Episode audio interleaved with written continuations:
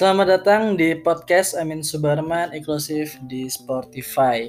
Oke, jadi di podcast kali ini aku ingin berbagi tips dan triks nih terkait uh, apa yang harus kita lakukan sebagai mahasiswa baru. Ya nggak terasa sih bulan bulan-bulan ini sepertinya menjadi bulan yang sangat penting banget bagi uh, beberapa uh, apa ya dari kita gitu dari kawan-kawan mahasiswa baru gitu. Karena di bulan-bulan ini mulai dari anak SNMPTN dan SBMPTN telah terima nih. Maksudnya udah udah tahu hasil dari kelulusan diterima atau enggaknya di suatu universitas. Dan aku ngucapin selamat datang dan selamat buat kamu yang telah berjuang sampai di detik ini dan itu merupakan suatu hal prestasi yang sangat luar biasa yang telah kamu lakukan untuk dirimu sendiri kayak gitu. Nah, sebenarnya menjadi mahasiswa baru itu rasanya itu gimana sih kayak gitu. Pasti kalian sangat uh, apa ya namanya menggebu-gebu atau penasaran atau sangat antusias atau sangat uh, gimana ya pokoknya memiliki semangat baru dan apa ya pengen cepat-cepat kuliah gitu ngerasain jadi anak kuliah itu gimana sih? Apakah bener jadi anak kuliah itu seperti di FTV gitu kan? Ya bisa jalan bisa nongkrong sama temen bisa pacaran bisa main bisa apa bebas kayak itu sebenarnya emang bener seperti itu atau enggak? Nah itu nanti uh, bisa kalian rasain ketika kalian telah uh, kuliah seperti itu. Nah Uh, mungkin pertama kali ketika kalian mendapatkan pengumuman di di web uh, eh, SBM atau SN selamat Anda dinyatakan lolos di universitas ini dan program studi ini gitu.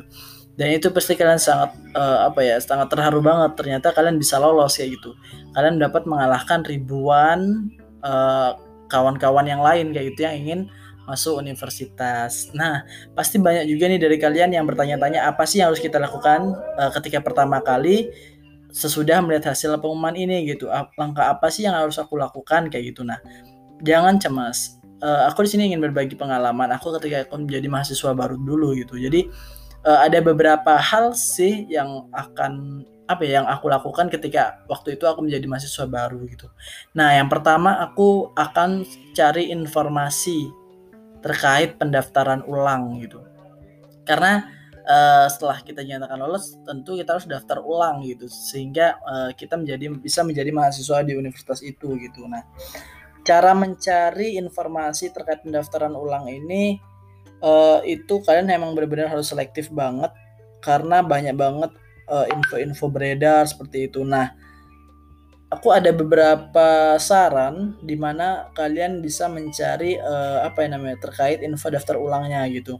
Yang pertama adalah kalian kunjungi web universitas atau Instagram universitas di mana kalian diterima gitu. Biasanya uh, di sana akan apa ya namanya? di diletakkanlah informasi terkait pendaftaran ulang kayak gitu. Kemudian syaratnya apa aja gitu Nah, kalau misalnya kalian biasa kalau universitas itu kan hanya dalam bentuk web kayak gitu. Nah, sedang kalau kalian ingin lebih jelas lagi dan bisa bertanya-tanya lebih masif lagi itu kalian bisa uh, apa ya cari Instagramnya BEM universitasnya gitu. Nah biasanya uh, BEM universitas ini menjadi uh, gerbang awal di mana teman-teman mahasiswa baru ini ditampung gitu biasanya uh, dibikinlah grup khusus mahasiswa baru dari BEM Universitas. Nah, di mana nanti BEM memfasilitasi mahasiswa barunya untuk uh, daftar ulang sampai nanti info terkait pengenalan kehidupan kampus atau PKK atau ospek kayak gitu teman-teman. Jadi ingat ada bisa dicari di web universitas atau kunjungi uh, Instagramnya BEM Universitasnya masing-masing. Nah, setelah kalian cari informasi dapat nih uh, biasanya GC atau kontak yang bisa dihubungi gitu. Nah, biasanya setelah kalian apa namanya ini menghubungi nanti kan akan dimasukkan ke grup mahasiswa baru di universitas tersebut ya gitu. Nanti di dalam grup itulah kalian uh, bisa dan mendapatkan informasi-informasi terkait pendaftaran ulang sampai PKK. Nah, uh, ketika kalian mencari grup mahasiswa baru ini juga harus selektif banget karena emang bener-bener kadang banyak banget uh, apa ya namanya grup-grup baru atau grup-grup mahasiswa baru yang yang bukan resmi kayak gitu. Jadi kalian emang benar-benar harus selektif, harus ditanyain ini resmi apa bukan, dari BEM-nya atau bukan, kayak itu. Ini dapat dipertanggungjawabkan atau bukan, ataukah ini menjadi ajang apa ya? Yang nggak disalahgunakan seperti itulah takutnya. Nah, jadi kalian emang benar-benar harus cari grup yang emang benar-benar resmi dan dapat dipertanggungjawabkan dan kakak-kakaknya itu humble kayak gitu. Setelah kalian gabung di dalam grup itu, selalu update. Tips ketiganya adalah selalu update informasi di dalam grup. Jadi uh, informasi di grup itu biasanya akan sangat banyak banget guys. Bahkan sampai lebih dari seribu percakapan dalam waktu satu hari kayak gitu. Nah, pasti kita anak milenial zaman sekarang emang bener-bener mager banget kalau suruh baca satu-satu gitu kan. Karena itu emang bener-bener banyak dan kadang itu nggak penting kayak gitu. Ada banyak poin yang nggak penting. Kadang kita langsung aja scroll ke bawah gitu kan biar mempercepat kayak gitu. Nah untuk uh, saran aku itu jangan kalian lakukan kebiasaan scroll ke bawah gitu. Karena uh, di di percakapan seribu lebih itu itu kadang terdapat informasi-informasi terkait pendaftaran ulang atau informasi-informasi terkait persyaratan persyaratan uh, daftar ulang tersebut gitu. Jadi kalian emang benar harus kayak baca satu persatu gitu. Kadang uh, informasi-informasinya itu biar nggak keselip atau nggak terlewatkan. Nah, Uh, kal yang tips keempat adalah kalian harus cepat dan jangan menunda untuk daftar ulang.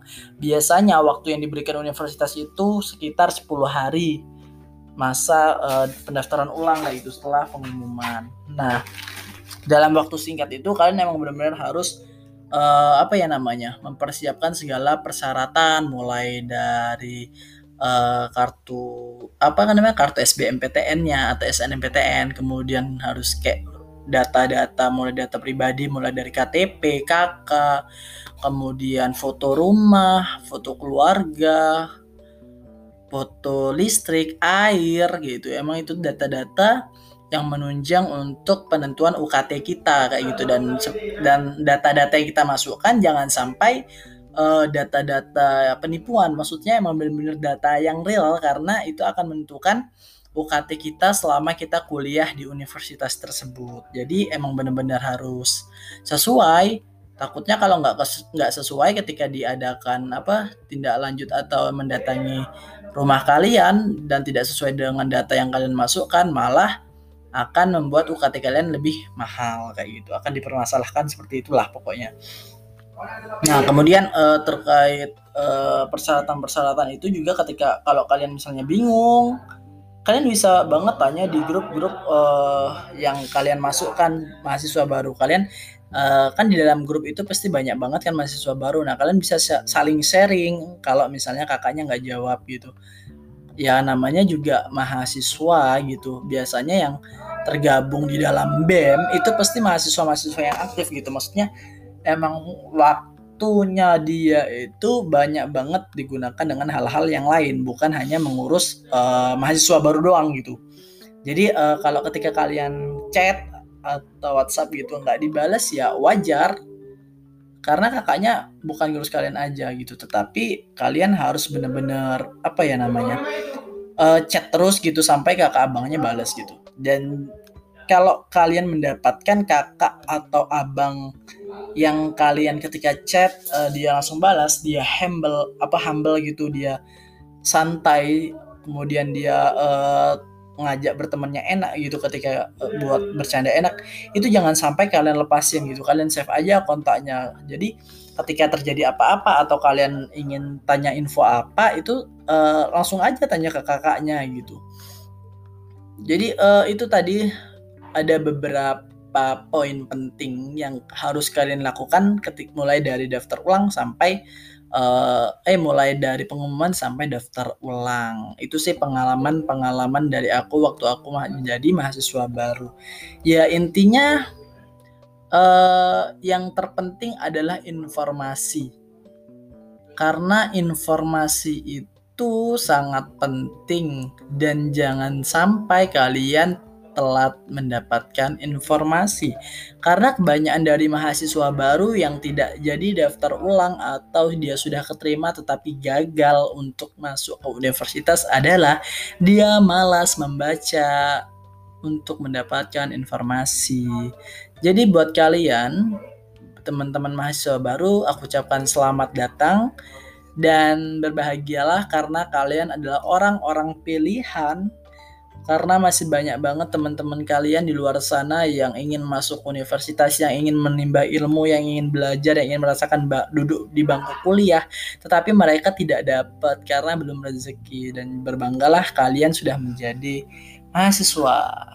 Menjadi mahasiswa itu nanti bahasanya akan lebih banyak lagi tanggung jawabnya bukan hanya menuntut ilmu gitu nah mungkin uh, kita akan sharing kembali di episode selanjutnya. Terima kasih buat kalian yang telah mendengarkan podcast ini. Semoga kalian sehat dan dalam keadaan baik-baik saja. Uh, see you guys di episode selanjutnya